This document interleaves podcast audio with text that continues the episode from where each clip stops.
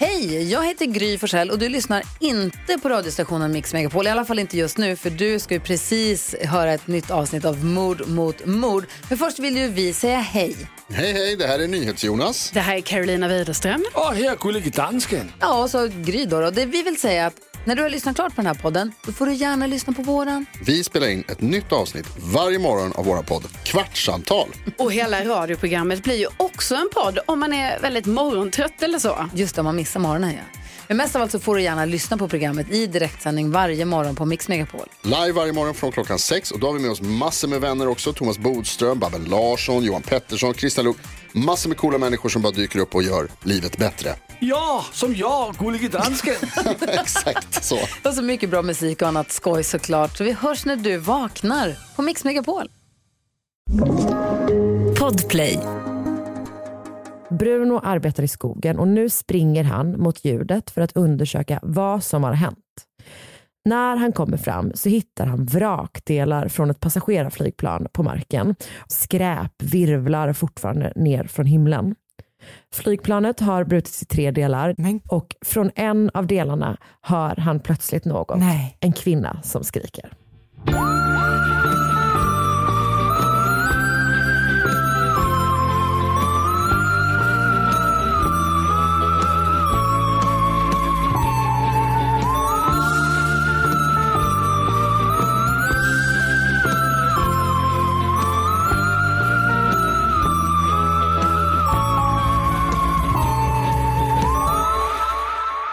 Välkomna till veckans avsnitt av Mord mot mord. Välkommen Karin. Och välkommen även till dig Anna. Tack snälla du. Du, eh, nu är vi tillbaka med ett helt vanligt underbart Ja. avsnitt efter förra veckans eh, eh, fadäs.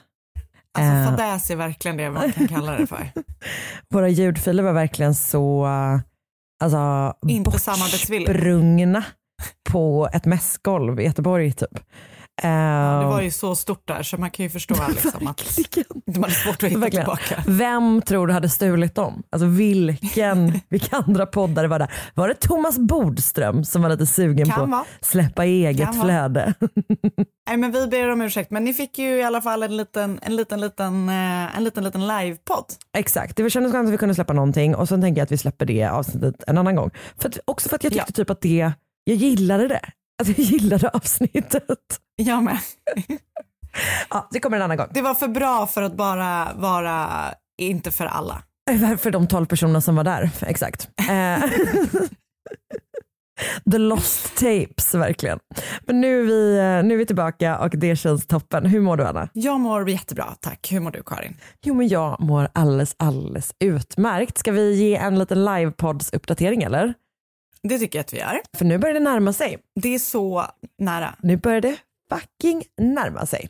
Och vi kan väl säga att det säljs på med biljetter i alla städer.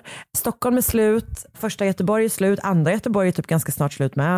Eh, Det drar på i Norrköping, alltså det, är liksom, det går biljetter nu så att skynda er och köpa om ni vill komma och se oss i Norrköping, Malmö, Örebro. Uppsala, eh, Örebro och Göteborg. Vi börjar ju i Norrköping. Det är ju om drygt två veckor som vi är där. Det är ju väldigt, väldigt snart. Ursäkta? Ja. Va? Ja. Är du på riktigt? Det är helt på riktigt. När vi släpper det här avsnittet så är det typ eh, 15 dagar kvar. Gud, mitt hjärta bara... Jag vet. Mm. Nej, nej, det är någonting som vi har preppat ändå så mycket för kommer med sån kraft, sån överraskningskraft. Är känner precis likadant. Alltså ingen är mer förvånad än jag. Men det ska bli underbart och eh, där är det typ inte så mycket biljetter kvar så att eh, kom alla eh, Norrköpingsbor med omnejd. Ja, jag vet till exempel verkligen. att Oskars kusin kommer komma från Linköpingstrakten för att titta på oss. Så att, eh, jag menar, man kan ju faktiskt åka en bit om man vill. Verkligen, en utflykt. Ja. Så trevligt. Eh, det är en fredag, det är en underbar fredagsutflykt, eller hur? Det är verkligen det. Elite Grand Hotel. Det låter ju Ja. superfint. Det låter lyxigt. Mm. Ja, verkligen. Där kan man säkert ta en AV med innan. Ja, så trevligt. För vi börjar inte förrän 19.30 så man kommer hinna, man kommer Alltså, det hinna är perfekt, man hinner äta lite snabbmiddag och Ja. eh, ta ett glas av valfri dryck. eller fler va? Eller fler. Det är väl ändå fler. Det är ändå fler, absolut. Men vi rekommenderar inte för många. Nej, precis. Exakt Ja. så. Bra understruket. och sen så kan vi säga att eh, vi har ju en annan rolig utflykt på gång som är också om drygt två veckor. Det är typ tre veckor kvar. Ja. Då ska vi ju tillbaka till vårt älskade Göteborg. Varför blir vi bara bokade till saker i Göteborg? Det är för att alla älskar det så mycket. Det är verkligen det. Men de älskar också dig. Men Jag är verkligen din, den där störiga kusinen som alltid måste följa med. nej, det är du verkligen inte. Så känner inte du i alla fall. Så känner inte jag. De kanske känner så, men du känner inte jag. Ja, men vi ska alltså göra en skitkul grej på Göteborgs stadsteater på halloween den 31 oktober. När vi ska alltså hålla ett quiz på tema skräck. Det ska bli så kul. För de håller på att spela en föreställning som heter Mary Shelleys värld. Som ju är då uppenbarligen skräck, eh, liksom, eh, eh, vad heter det? Eh, Inte kanske inspirerad, eh, men Jo, det kan man väl säga. ja, alltså skräckrelaterad. Det är bra. Det är bra. Och i samband med det så vill de liksom, har de bjudit in oss att hålla det här quizet. Det kommer vara vi, vi kommer ställa frågor. Vissa kommer handla om, om, om liksom eh, skräck, alltså fiktion och Ja. andra, vi har förstås kuppat in ett och eh, en och annan fråga eh, från true crimens värld. Absolut. De kommer, vara, de kommer liksom vara lite crossover mellan de båda. Och dessutom så kommer vi alltså ha eh, liksom musik. Det kommer vara musiker som spelar medan Nej, vi... men det, Alltså, det, är så sjukt. Alltså, det är typ så här, är det här det närmaste jag kommer komma att delta i liksom, ja, musikal? För, det- ja. Alltså verkligen. Och det är alltså då den 31 oktober, det perfekta sättet att fira halloween om man nu gör det. Eh, Det är i foajébaren, en plats på Göteborgs stadsteater, en plats som jag tycker är underbar, som jag verkligen längtar efter att ta med dig dit. Det kostar 50 kronor, lyssna på det här då, inklusive lättare tilltugg. Alltså det Har det varit något så är trevligt? drömmen. Jag vet inte vad det är men jag vill ha det. Alltså ja, vill, när vill man inte ha lättare tilltugg? Det är min stora fråga i Så livet. verkligen. Ja. Gå in på Stadsteatern, Kom och träffa oss där. exakt, och liksom shoppa eran, um, eran biljett helt Det enkelt. ska bli så kul. Och alltså, jag älskar ju faktiskt quiz. Det är så Jag bra. gör verkligen det. Och jag, Du är bra på att ställa frågor. så vi är ett så bra duo. Jag är ju väldigt, alltså jag är ju faktiskt på riktigt bra på att ställa frågor eftersom Marcus verkligen älskar att svara på frågor och att vi ofta har typ att, alltså vi, vi spelar typ inte spel men ibland händer det att jag bara läser liksom MIG-frågor, MIG-fråga efter MIG-fråga efter MIG-fråga för honom. Alltså, det är verkligen... eh, det tycker jag är så trevligt. Ja, nej men det är verkligen en av dina starkaste sidor. Eh, så det tycker jag att ni alla ska komma och bevittna. Då, 31 Eller hur? oktober. Det ska bli underbart. 31 oktober, Göteborgs stadsteater, vi håller ett quiz, det kommer bli toppen. Du, Japp. Har du eh, tips? Nej, alltså för jag är ju knees deep med att komma ikapp en serie som vi båda tittar på där du är ungefär en säsong före mig och det är ju Real Housewives of Salt Lake City. Så att jag hinner inte med något annat. Nej, alltså jag tänkte på det här innan, att så här, vad dåligt det är att vi inte har tipsat våra lyssnare om Real Housewives of Salt Lake City. Jag vet. Jag vet. Det, Alltså, det- är det bästa jag någonsin sett på tv. Jag har verkligen kollat mycket Housewives i mina dagar och du med ju. Mm. Jajamän, och vi har kollat jävligt mycket Mm. reality båda två. Men det här är alltså bland Next det bästa level. jag sett. Ja. Det är verkligen så här, någon är gift med sin styvmorfar. Morfar. Eh, Mm. Det är FBI. Det är en sekt kanske potentiellt. Det är Alltså- helt vanlig petty hus, housewife skit. Det är mormoner som blivit utslängda i kyrkan, mormoner som är kvar i kyrkan. Alltså det är Det är otroligt. Det är verkligen, Det är så har, jävla det bra. allt. Det har fan allt man inte ens visste att man ville ha, men det har det. Nej, det Eh, så att verkligen jag, så. jag har, nej, och jag förstår, och, eh, alltså jag plöjer ju på så att du har ju verkligen your work Du cut out stressar for mig så mycket. Det, det stressar mig så mycket. Men, ehm, så det är underbart. Eh, och sen så eh, har jag faktiskt också börjat titta på, eller vi har börjat titta på, det är ju det enda jag och Oskar typ samtittar på förutom nyheterna. Robinson, svenska Robinson. Ah, just det. Där, en Japp. person känd från eh, liksom, eh, den svenska, hon är ändå svensk eh, liksom, krim eh, Ja, royalty på något sätt, eller hur? Japp, absolut. Therese Tang. Therese Tang, Mm. känd från och Missing People-person tror jag va? Japp. Känd från eh, det här förlösa fallet som bland annat Spår gjorde en av sina första säsonger om. Ja. Hon är med i Robinson. Hon är med. Vet du vad jag tänkte när jag såg det? Då var jag så här, fan vad sjukt att hon inte varit med i Robinson innan. Ja, men hon, och det är precis så. Hon är alltså klippt, Klippt och skuren. och skuren. Ah. Ja. Jag tror att det kommer bli en väldigt underhållande säsong. Vi, det, det började ju i um, förra veckan. Så vi har sett då fem avsnitt och även då gränslandsavsnitten som vi har upps, inte, liksom upp, också insett att det är också jättemysigt. Det är typ bättre på ett sätt.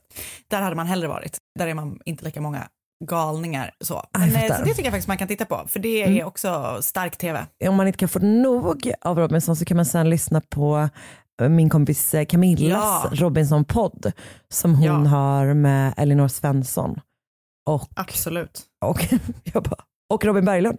Och eh, Camilla är ju också, hon har ju Intel nu eftersom hon jobb, Ah, Sluta, har jobbat på senaste säsongen av Robinson. Inte den som går nu utan nästa. Och eh, det är så pirrigt att jag har en kompis som har gjort det tycker jag. Alltså det är så fett. Har du något tips? Ja men eh, inte heller så himla, eller vi såg em, Russell Brand dokumentären. Ah. Den som handlar om de, alla de kvinnor som anklagar honom för Ja. diverse beteenden. Den som alltså breakade ju i, i, eller som gick ut i England för kanske några veckor sedan. Den ligger på SVT Play nu. Om man vill se den. Eh, det är eh, ju eh, fruktansvärt och superobehagligt och man typ påminns om hur sinnes, alltså hur mycket som har hänt i liksom hur man typ får uttrycka sig i media och typ vad Ja. som var okej för inte alls så lång, länge sedan.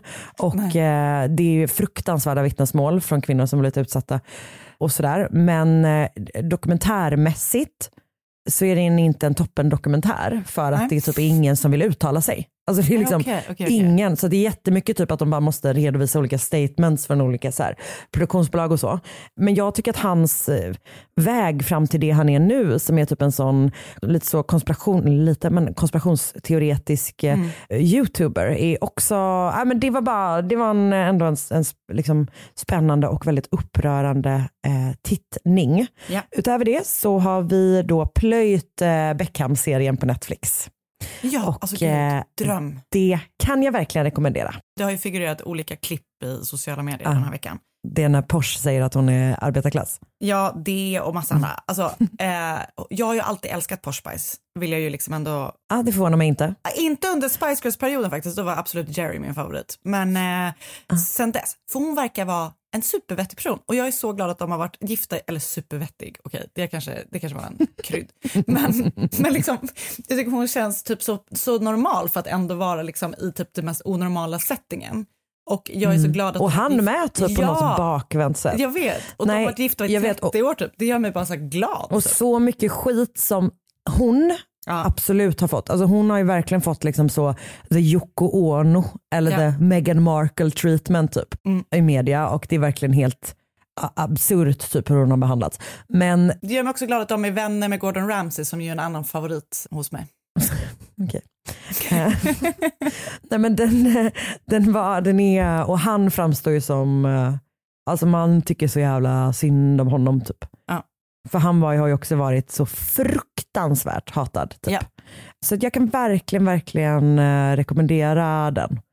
Kul. Alltså det är skitlånga långa avsnitt. Alltså varje avsnitt är typ som en normal långfilm på stressigt. 90-talet om du tänker. Ja. Och det, så det är liksom hur mycket som helst. Men det är verkligen, eh, ja, det var jätte, jag kan verkligen rekommendera den. Så att, eh, ja det var väl det tror jag faktiskt. Det var inte så lite. Nej men det var ganska lite i vårt ämne. Jo det var det, men det var mycket annat bra. Men då tycker jag att man Ja, tittar bra. på det och sen tycker jag att man får sitt true crime behov tillfredsställt här, nu, i podden. Verkligen, jättebra. Då kör vi. Okej, då kör vi.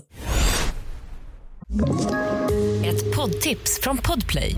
I fallen jag aldrig glömmer djupdyker Hasse Aro i arbetet bakom några av Sveriges mest uppseendeväckande brottsutredningar. Går vi in med hemlig telefonavlyssning och, och då upplever vi att vi får en total förändring av hans beteende. Vad är det som händer nu? Vem är det som läcker? Och så säger han att jag är kriminell, jag har varit kriminell i hela mitt liv men att mörda ett barn, där går min gräns.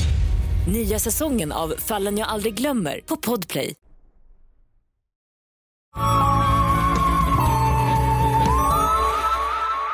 Peter Shellard föddes i Allendale i Australien 1949.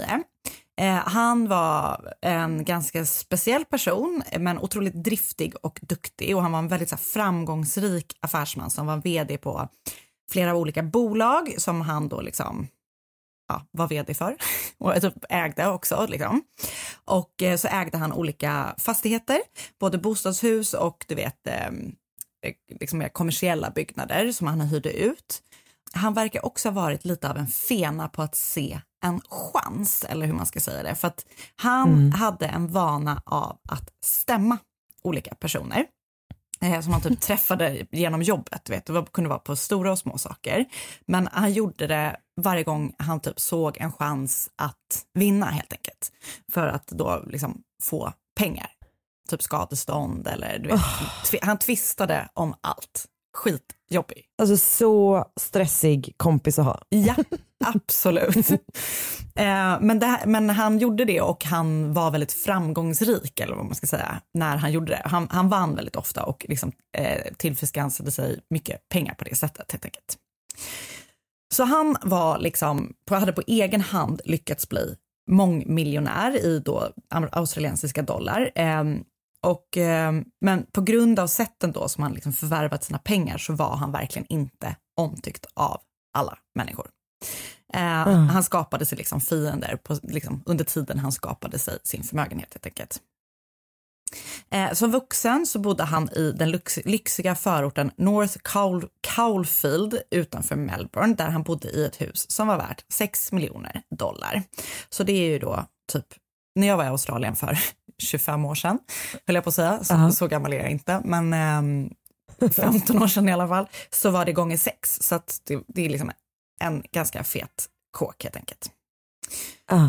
Ehm, och Peter hade då varit gift två gånger och hade tre barn med de här två olika fruarna när han år 2000, 51 år gammal är han då, träffar en ny kvinna. Kvinnan som han träffar är den 18 år yngre Shirley Withers och hon har också varit gift innan hon träffade Peter och hade två söner från det äktenskapet. Och hon beskrivs på inte ett så trevligt sätt alltid ska jag säga, som en väldigt vanlig kvinna. Ehm, hon är liksom ja, en helt vanlig människa. Hon arbetar som revisor och du vet sådär är frånskild och har två barn. Så jag task, taskigt. Hon är revisor, hon är, så hon är en helt vanlig Nej, men kvinna. jag, liksom, jag behöver inte återberätta. Men Nej, de nej, jag förstår att det inte är det du säger. Nej. Men de Men jag recenserar hon hur hon ser ut på massa olika ställen. Så här. Hon, hon, liksom, hon är bara... Alldagligt. Ja, exakt. Eh, och du vet, det var- någonstans hela så här, inte den vanliga typen man hade tänkt sig att en miljonär skulle välja. Och man bara, hon var kanske jättetrevlig Alltså, också. låt, låt en kvinna vara helt, en Ja. helt vanlig kvinna. Exakt så. Men de blir i alla fall kära i varandra och deras relation tar liksom ganska stora kliv framåt ganska snabbt. Men Peter då som hade äldre barn än Shirley och som redan varit gift två gånger vill inte kasta sig in i de allra största sakerna, alltså då äktenskap och husköp tillsammans. Men han köper däremot ett eget hus till Shirley där hon och hennes två barn kan bo.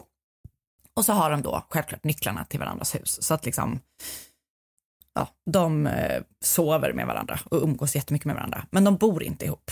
Mm. Och utöver då det här huset som han köpte åt Shirley så möjliggjorde han även en av hennes drömmar om att öppna en egen butik. Hon öppnade då en lyxklädesbutik som hon då drev och Peter finansierade. Och eh, för alla utomstående så var relationen helt så bra och vettig. Eh, så en dag i maj så åker Shirley från sin butik, eh, förlåt, i maj 2005. De har då varit ihop i fem år. Hon lämnar sin butik, åker typ och köper lite hämtmat och kör hem till Peters hus. Eh, hon öppnar med sin egna nyckel och kliver in och gör en fruktansvärd upptäckt och kastar sig på telefonen för att ringa larmcentralen. Eh, hon är helt hysterisk i det här samtalet som det finns att höra och hon har då hittat sin pojkvän Peter i, död i hans hem. Eh, han är blodig och bunden med hundkoppel och sladdar och runt omkring honom så ligger då olika bondage-verktyg har jag kallat det för. Men jag vet inte om det är rätt term eftersom jag själv har väldigt lite er- erfarenhet Mm, av det. men jag förstår vad du menar. Det är väldigt hemskt i alla fall.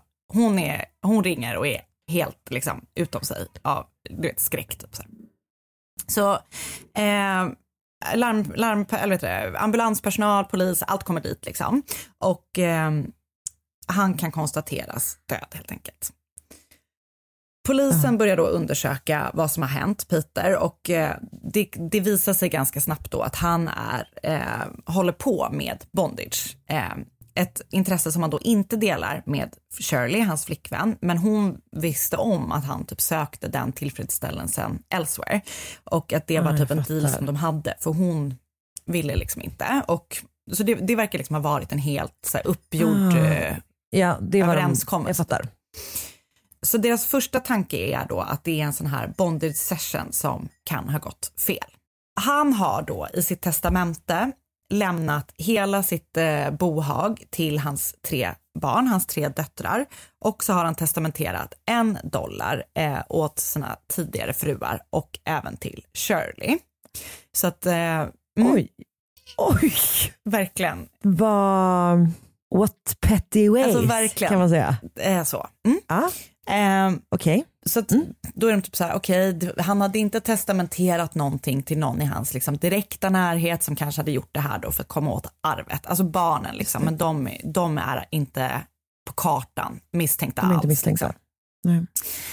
Eh, och då, han har ju haft andra fiender, men liksom, det är ingen som kan liksom, direkt gynnas av, eller det är ingen som kommer få ärva honom för att de dödar honom så, förutom barnen då helt enkelt. De undersöker såklart Peters kropp för att se vad han dog av. Eh, han har ju då varit bunden och varit väldigt blodig. Han har blivit slagen i sitt huvud. Eh, men det som han faktiskt dött av är att han har, alltså han har dött av en överdos av heroin. Ja, Oj. och det här tycker de är skitskumt, för han har aldrig brukat droger. Alltså han är liksom inte Nej. alls, eh, han är inte alls eh, en drogbrukare, eller vad man ska säga. Eh, så de är bara så här, okej det här är fett skumt liksom. Eh, och när de, alltså tänk om jag var polis, att jag satt så och sa så hela tiden att jag bara, det här är fett Det här skumt. är fett skumt. För det är typ så jag tänker att de tänker, men de tänker kanske Men det är ju inte så du pratar på ditt Nej, vanliga nej, jobb det är det nu heller. Eller? eller? Eller stressad. Kul. När någon ringer upp med en pressförfrågan Det är till SAS och du bara, alltså jag vet inte, det är fett skumt. Det var helt rätt. Jag hade nog använt andra ord.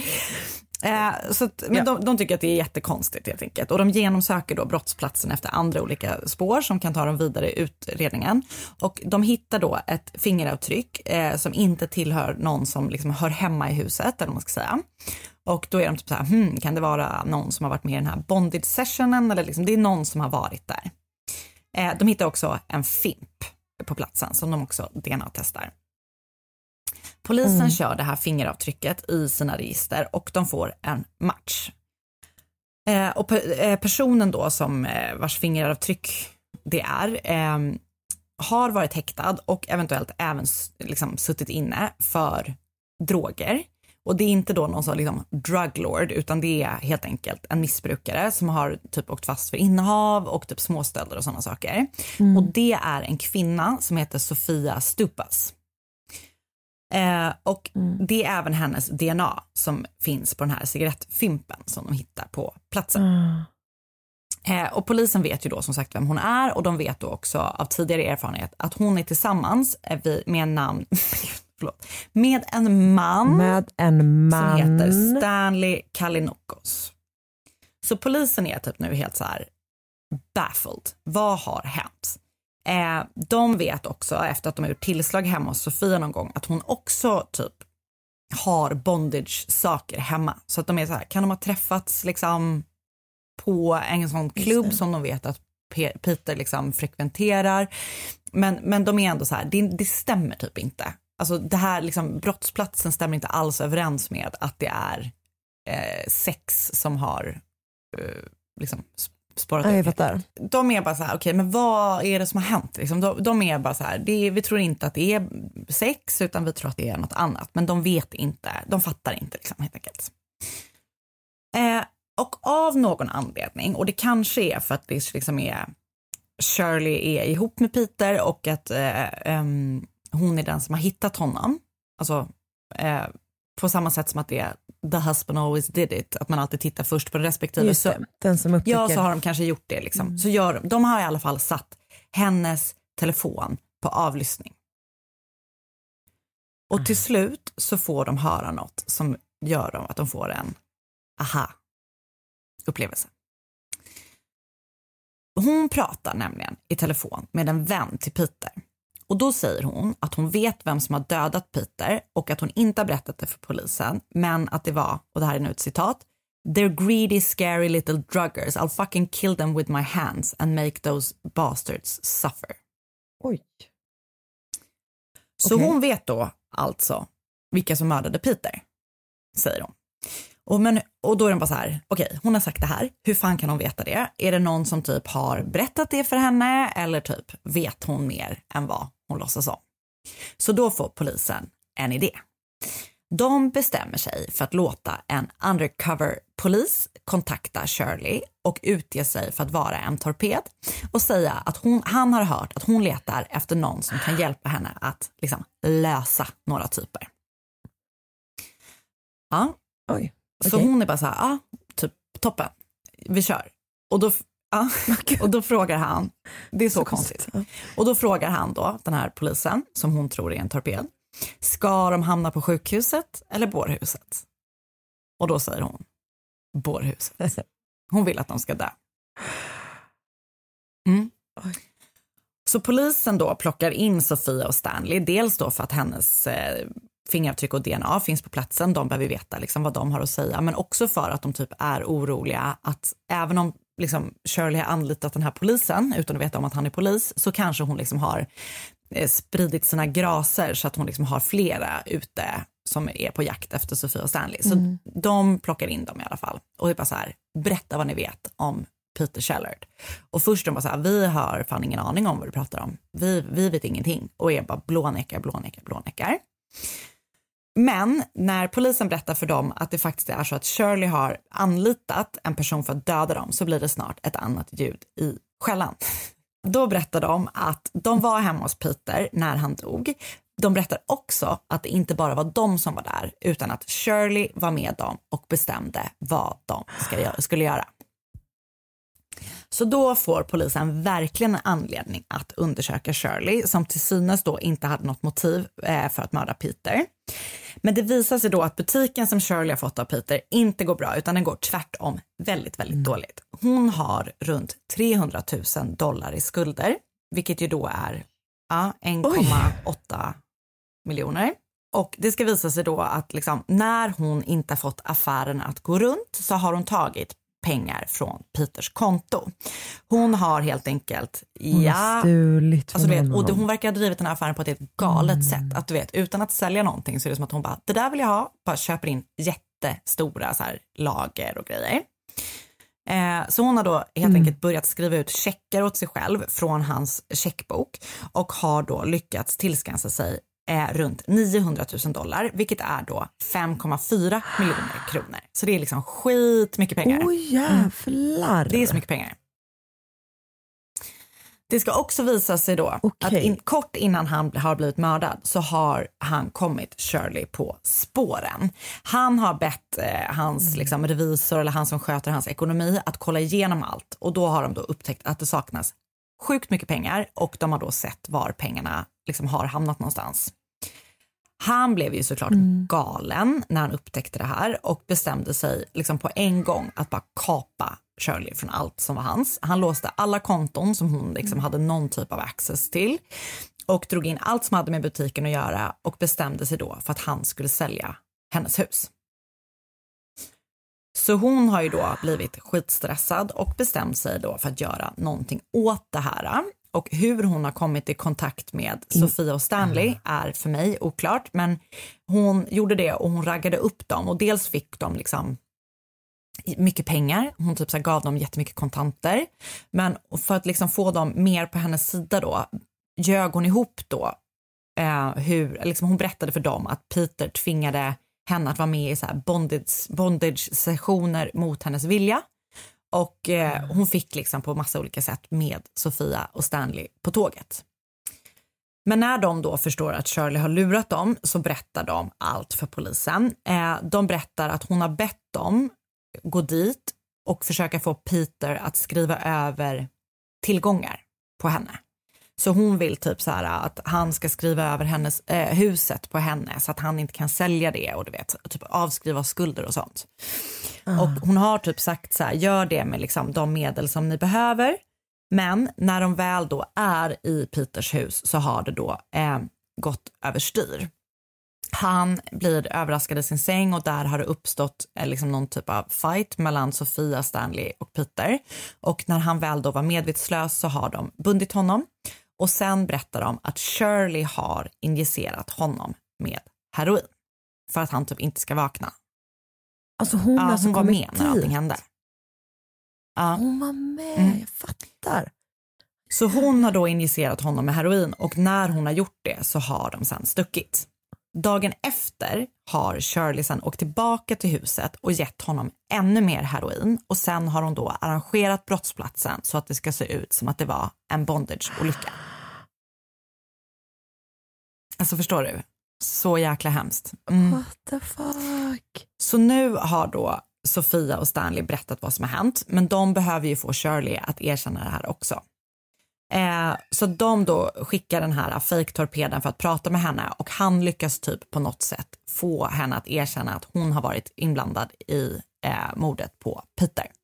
Och eh, när hon väl grips och plockas in så vill hon då såklart inte prata med polisen.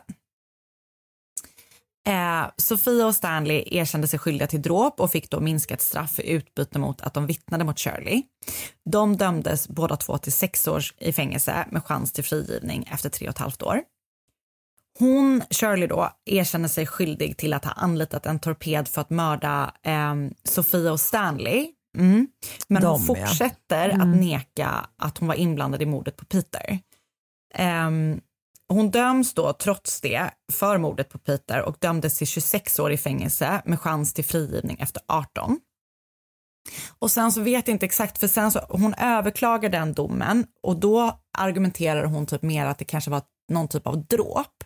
För att hon säger då att så här, det kan omöjligt vara mord för att jag skulle aldrig kunna veta hur mycket heroin som faktiskt liksom skulle Eh, och hon lyckas med det här. Så hennes dom ändras då från mord till dråp, vilket känns då helt jävla galet med tanke på hur grovt allting var. Eh, men, och domen då minskas från 26 år till 13 år med chans till frigivning efter 9. Och eh, jag försökte liksom hitta någon typ av information om var hon befinner sig idag och sådär. Men jag har inte hittat någonting. Men jag skulle gissa att hon är frisläppt med tanke på att de här nio åren har passerat liksom. Eller de här 13 åren har också passerat. Eh, men, jag, men jag vet inte var hon befinner sig idag. Men det var det fruktansvärt liksom, hemska och sorgliga mordet på Peter Shellard. Alltså man förstod att det inte var hon som skulle dö, givet vad du sa, Ja, hur exakt. tidningarna hade beskrivit Mm. henne. Att man alltid beskriver alla som mördas, typ Ja. inte minst av en partner som så bara, hon lyste upp ett helt rum. De bara, det var en vanlig Ja, revisor. kanske rätt i det faktiskt. Så och sen ja, gjorde hon nej, men så här. jäkla hemskt. Och, eh, jag, jag tyck, det, det är så otroligt Ah, grovt. jävlar. Att, så här, jag vet inte, jag, jag tyckte bara det var så hemskt. Fan det är någonting med de där, de där som eh, Jag vet. fa- får en massa pengar för att starta någon konstig affär. Men det känns ju som en väldigt så vanlig, Mm. lite så eh, Lyxhustru-grej. exakt precis. Att man är så här, eh, gud, nu har jag öppnat verkligen. min ljusaffär typ. Vad hade du helst haft för en affär? Gud vilken bra fråga. Jag hade typ velat sälja, det finns en butik i Stockholm som säljer bara så här jättestora hårskenor, alltså det känns helt så här, eller hårskenor, alltså vet, diadem typ och sånt. Hårband och rosetter och sånt. Ja, vi sa det ibland när vi var små. Lite så prinsesshår, eh, Ja, attiraljer. härligt. Ja. Jag vet inte om jag hade valt det, du satte mig lite på liksom, pottan där. Vad skulle du helst haft för butik? Jag förstår. Men jag tänker att jag gärna, alltså jag gärna hade haft något lite så deli, eller inte deli för att då känns det som att det, själv, precis. Du skulle ha en ost och charkbutik. Alltså, Ja, men alltså jag vet inte ens om jag vill ha liksom färska Jo. varor så mycket som du vet, så här, olika trevliga typ så äh, oliver, ja. Cornichoner, liten fruktavdelning i och för sig, frukt och grönt liksom. Åtminstone i säsong. Absolut. Och sen, så, Så, sen liksom. skulle jag jobba Det där och skära skinka åt dig, för det är typ min högsta dröm att få skära Ja. skinka i en sån stor Ja, Mm. det är Marcus högsta dröm. Gud, kan du fixa det åt oss Karin? Men vi, vi kanske ska gå en sån Ja! Fan det gör de ju alltid i Real Housewives, att de ska gå Ja. på någon sån konstig matlagningskurs. Kan vi göra det tillsammans? Du, du och jag och Marcus och Ja. Oskar går på matlagningskurs, skär ja, skinka. ja, ja, ja, underbart. Okej, Okej. bra. Och sen avslutar vi med Björnskytte. Hej då! Okej, jag, jag måste Säg dina, mina källor. Okej. Eh, jag har läst Greed, Vengeance and Death in Australian Millionaires 14 bedroom mansion på New Zealand Herald eh, utan eh, journalist. Och sen så har jag läst Woman who killed millionaire boyfriend with heroin out in four years av Nori Ross på Herald Sun. Och sen så har jag läst Women, nej, det är plural. Woman, sentenced over lethal injection eh, av Daniel, Daniel Fogarty på Sydney Morning Herald och Heroin Killers Sentence Slashed av Andrea Petri på The Age och sen har jag lyssnat på ett avsnitt av Case File och det avsnittet heter Peter Shellard. Uff, tack snälla du. Tack. Ny säsong av Robinson på TV4 Play. Hetta, storm, hunger. Det har hela tiden varit en kamp. Nu är det blod och tårar. Fan händer just nu. Det. är Detta är inte okej. Robinson 2024, nu fucking kör vi! Streama söndag på TV4 Play. Ett poddtips från Podplay. I podden Något Kaiko garanterar östgötarna Brutti och jag, Davva, dig en stor dos skratt. Där följer jag pladask för köttätandet igen. Man är lite som en jävla vampyr. Man har fått lite blodsmak och då måste man ha mer. Udda spaningar, fängslande anekdoter och en och annan arg rant. Jag måste ha mitt kaffe på morgonen för annars är jag ingen trevlig människa. Då är du ingen trevlig människa, punkt. Något Kaiko, hör du på Podplay. Därför är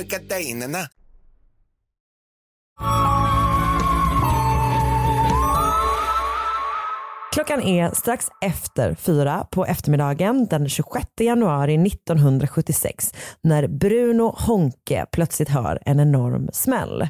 Bruno bor i byn... Okej. Jag behöver lite hype här för att uttala det Okej, här. för jag trodde jag bara nej nu försvann ljudet men det var att du bara laddade. Okej, jag, jag, I, I got you. Nej, det var bara att jag får sån um, svindel när det Ja. kommer till namn i den här podden. You can do it. Eh, Srebisk nej, you can't do it. Srebiska kanske. Det uttalas lite så här, eller så här stavas det. S-R-B-S-K-A. Srebska. Sribiska. Ah. Shrub. Svårt. Jättesvårt. Ah. Kamenice Japp. i nuvarande Tjeckien. Då är det ju uppenbarligen inte Tjeckien, men nu är det Tjeckien. Det ligger drygt 12 mil norr om Prag, nära gränsen till Tyskland. Runt omkring byn, som vid den här tiden är då en del av Tjeckoslovakien, ligger liksom trädbevuxna kullar och berg. Och den här dagen ligger snön tjock. Och Bruno arbetar i skogen och nu springer han mot ljudet för att undersöka vad som har hänt. När han kommer fram så hittar han vrakdelar från ett passagerarflygplan på marken och liksom skräp virvlar fortfarande ner från himlen. Flygplanet har brutits i tre delar. Det är inte som att han ser alla Nej. tre delar vid den här tiden, men det har det i alla fall. Och från en av delarna hör han plötsligt något. Nej. En kvinna som skriker. Bruno följer ljudet och går fram till vraket och där under liksom bråte, en kropp och en serveringsvagn så hittar han källan. För där ligger en flygvärdinna. Hennes turkosa uniform är täckt av blod och hon är illa däran, men hon lever. Och Bruno var sjukvårdare under andra världskriget och han lyckas då hålla henne vid liv tills räddningen kommer och hon kan tas till sjukhus i Prag.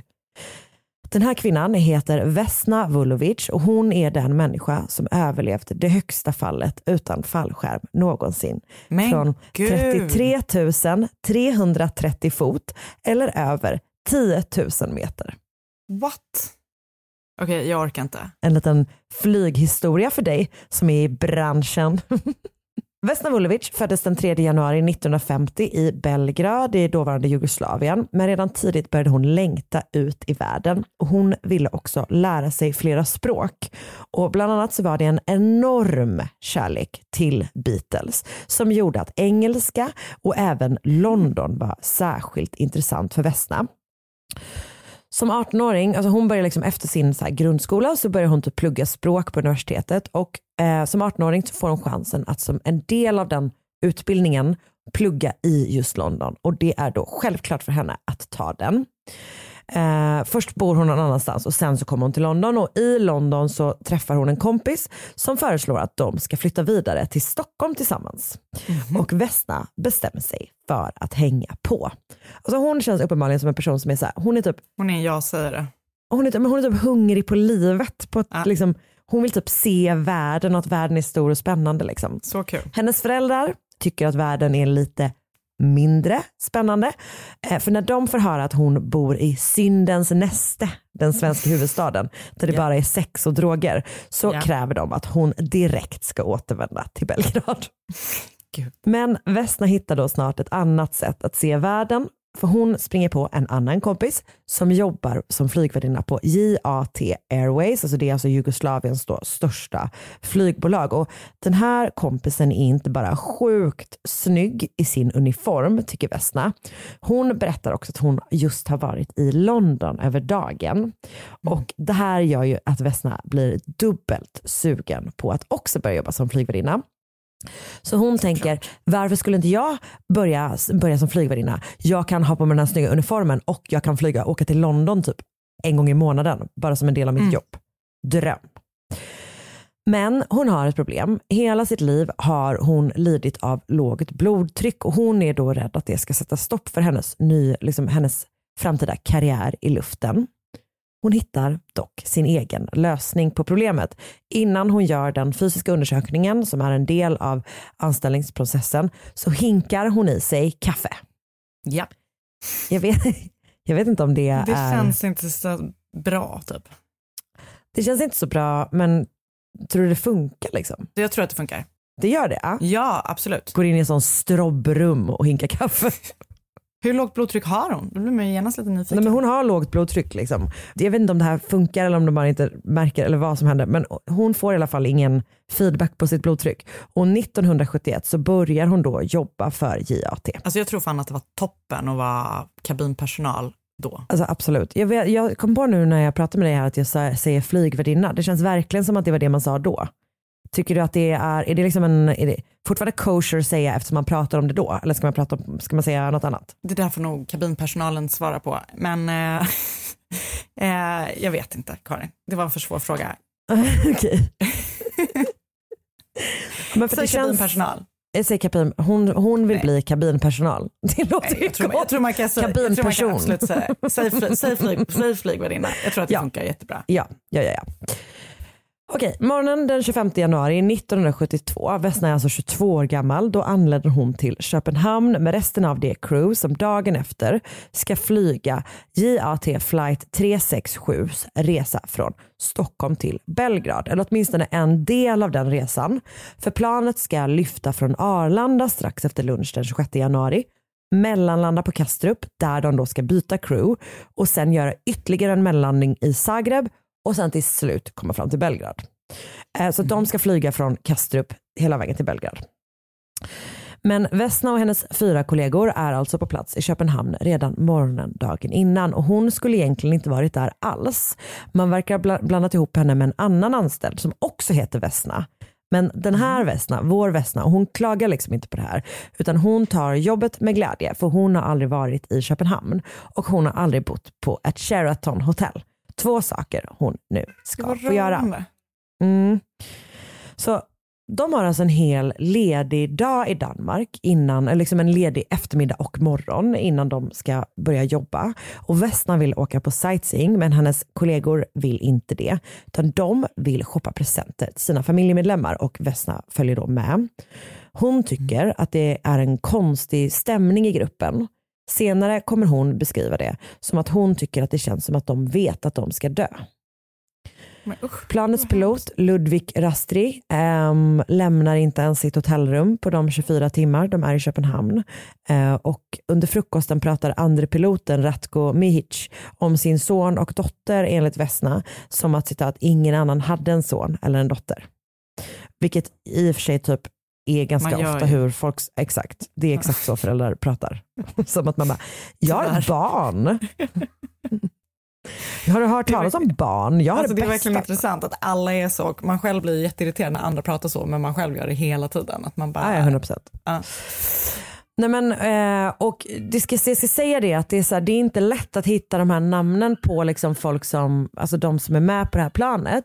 Eh, det är de här liksom piloten och andra piloten då, vilket känns typiskt sådär, som är namngivna vad jag har kunnat Mm. hitta. Ehm, men det är ju absolut inte de enda som liksom kommer att dö i den här fruktansvärda kraschen. typ. Hur som helst, halv två eh, på eftermiddagen lyfter då flight 367. Det är en McDonnell Douglas DC 9, 932 från Arlanda. En timme senare är den framme i Köpenhamn.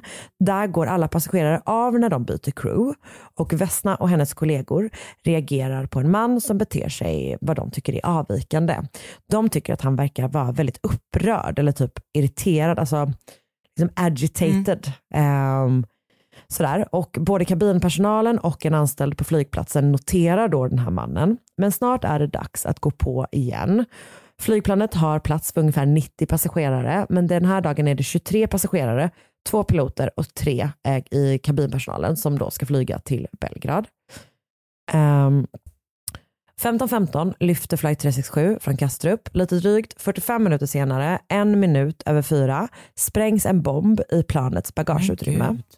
Planet, som alltså befinner sig på över 10 000 meters höjd, går i då i tre delar. Och liksom både passagerare och bagage sugs ut ur flygplanskroppen och faller mot marken. 27 personer kommer alltså att dö, alla förutom Vesna Vulovic. Alltså gud vad hemskt. Och trots att det här planet då exploderat på så sjukt hög höjd så landar vrakdelarna på en ganska så liten yta. Och det är då där, strax utanför den här, utanför den här byn eh, norr om Prag, som Bruno Honke då hittar vrakdelar, kroppar och den skrikige, skrikande, blodiga Vesna kort därefter. Hon tas då som sagt till sjukhus i Prag där hon ligger i koma i flera dagar. Hennes skador är förstås omfattande. Hon har en skallfraktur och en hjärnblödning. Två ryggkotor är brutna och en är alltså krossad. Hennes ben och flera revben är brutna och så har hon ett bäckenbrott. Men hon lever, vilket ju är, är helt galet. absurt. Alltså hon har fallit från 10 000 meter. Och snart vaknar Vesna från sin koma och hon är till en början förlamad i underkroppen men över tid kommer hon att återfå i princip hela sin rörlighet. Hon, hon haltar för att typ, det finns en vridning i hennes ryggrad som in, liksom, är kvar hela hennes liv. Typ. Men i övrigt så kommer hon att bli helt liksom, Alltså fysiskt det offer. är helt otroligt. Jag vet. Vesnas föräldrar kommer till sjukhuset i Prag. Hon blir förvirrad för hon tror att hon är Slovenien där hon var precis innan kraschen och är så här, vad gör ni i Slovenien typ? Hon minns alltså då inte kraschen och en läkare kommer att då berätta för henne vad som har hänt och han ger henne typ en tidning där de skriver om kraschen. Det är drygt två eh, två veckor efter att det har hänt tror jag. Och hon reagerar så starkt att hon typ alltså, tuppar av. Liksom. Ehm, och hon kommer att så här, och hon minns inte att hon har fått att det har hänt för hon har alltså en minneslucka och det kommer hon ha hela sitt liv från som börjar en timme innan kraschen och slutar en månad efter kraschen. Det är liksom helt Gud, blankt däremellan. Efter en tid ska Vesna då flyttas hem till Belgrad och de erbjuder henne att hon ska få flyga nedsövd men hon tackar nej för hon är inte det minsta rädd för att flyga. Så drygt två månader efter kraschen flyttas hon till sjukhus i Belgrad. I juli samma år så får hon åka på något sånt typ uppvilningshem i Montenegro med sin mamma och i september 1972 känner hon sig redo att gå tillbaka till jobbet. Hon vill alltså fortsätta som flygvärdinna. Hon bara, put me in coach typ. Men JAT, de är inte lika säkra på att det här är en bra idé för Vesna har blivit kändis och är då uppenbarligen ansiktet utåt för vad som kan hända för fruktansvärda saker om man går på ett flygplan. De vill inte ha henne i luften för de känner att hon är dålig PR för flyg. Typ. Ehm, och till slut så får hon ett liksom, typ, skrivbordsjobb på bolaget istället. Tillbaka till kraschen. Jag tänkte säga, vem, vem la bomben där? Men vi ska prata om det här nu. Vi ska delvis prata om det och sen ska vi prata om varför hon överlevde. För båda de två sakerna känns intressanta. Ja, ja. Dagen efter sprängningen så får dåvarande Kvällsposten, alltså nuvarande Expressen, ett samtal från en man som säger sig representera den kroatiska ultranationalistiska organisationen Ustaše som främst var verksam innan och under andra världskriget men också höll på med en hel del liksom, terrorattacker under den här tiden eh, mot då liksom jugoslaviska civila och icke-civila mål. Ehm, och I samtalet så tar då den här organisationen på sig dådet i ett av de allra första terrorattackerna på ett flygplan. Det finns liksom gott om tidigare historier om bomber på plan. ehm, så. Men det är först under andra halvan av 1900-talet som politiska terrororganis- or- terrororganisationer börjar genomföra den här typen av attacker. Innan var det typ så, eh, helt vanliga mord fast helt fruktansvärda mord Ja, om du förstår fattar. vad jag menar. Jag fattar, jag Men typ, eller kanske typ så, ehm, någon tog ut en, eh, en, jag tror att det är My Favorite Murder som pratade om det, att man kunde köpa köpa livförsäkringar på flygplatser. Så man kunde typ försäkra någon precis innan de gick på och sen så bara upp. Ja, jag vet. Mm. Ehm, så de tar då på sig den här, ehm, den här attacken. Och det är ju liksom ett fruktansvärt uppskruvat politiskt läge under den här perioden i den här delen av världen. Eh, det är ju delvis liksom Sovjettider men på Balkanhalvön så gror ju det som kommer att kulminera i allt det fruktansvärda som då händer under de jugoslaviska krigen och eh, leder till forna Jugoslaviens sammanbrott. Sådär. Så att det är eh, väldigt mycket terrorattacker som sker under den här perioden. Och Det i kombination med att någon tagit på sig det här dådet och gör att det låter som en ytterst trolig teori. Men ingen kommer någonsin att dömas för brottet och deras enda egentliga lid är ju då den här nervösa mannen som Vesna minns från Kastrup. Hon tror själv då att den här personen kanske gick på i Stockholm med incheckat bagage, gick av i Köpenhamn och aldrig gick på igen. Liksom. Det är hennes egna teori. Men varför just den flighten undrar man ju jättemycket. Jätteoklart men det är ju Jugoslaviens liksom national air force eller airways. Liksom. Det var ingen specifik person, med en bo- alltså det var, men det var liksom så för att, för att liksom förstöra bara för dem. Ja exakt, alltså gå på liksom jugoslaviska civila mål. Typ. Ja. Ja, precis. Så att, nej, det verkar inte som att det är någon, någon, liksom, någon specifik anledning på det sättet. typ. Det leder ingenstans och ingen kommer som sagt att dömas.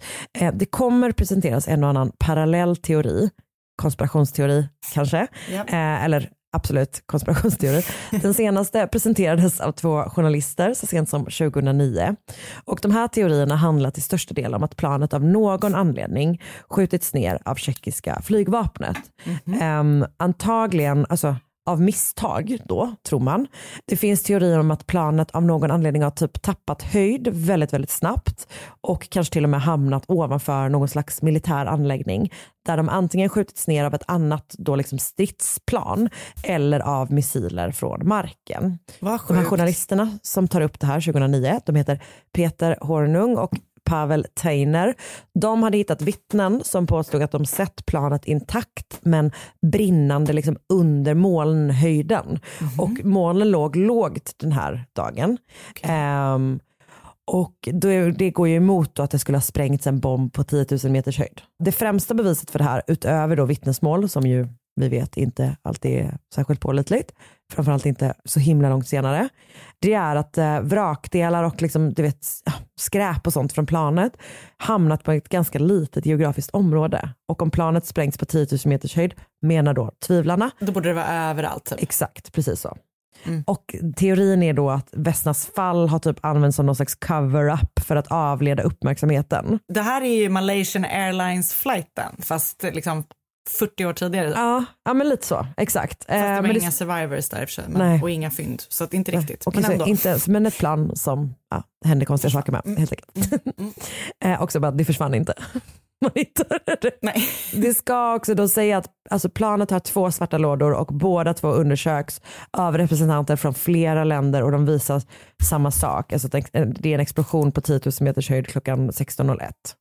Och Okej. om det här var en cover-up så skulle det innebära att representanter, alltså hundratals personer skulle typ känna till det och representanter från flera olika länder skulle vara med på den här konspirationen typ. Eller den här, den här cover-upen. Typ. Och åtminstone en av konspirationsteorierna verkar ha använts i en kampanj att svartmåla Vesna eh, av anledningar som jag kommer att återvända till snart.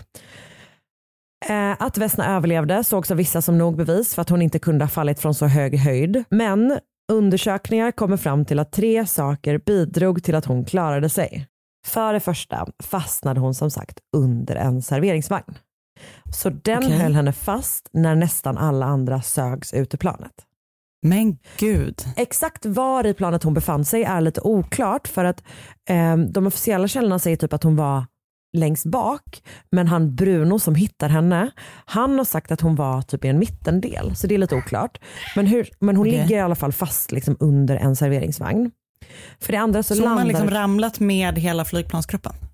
Ja, alltså hon har, det är som att hon har fått liksom vagnen över sig och blivit eh, ja, men, tryckt ner, nertryckt mot, mot golvet. Liksom.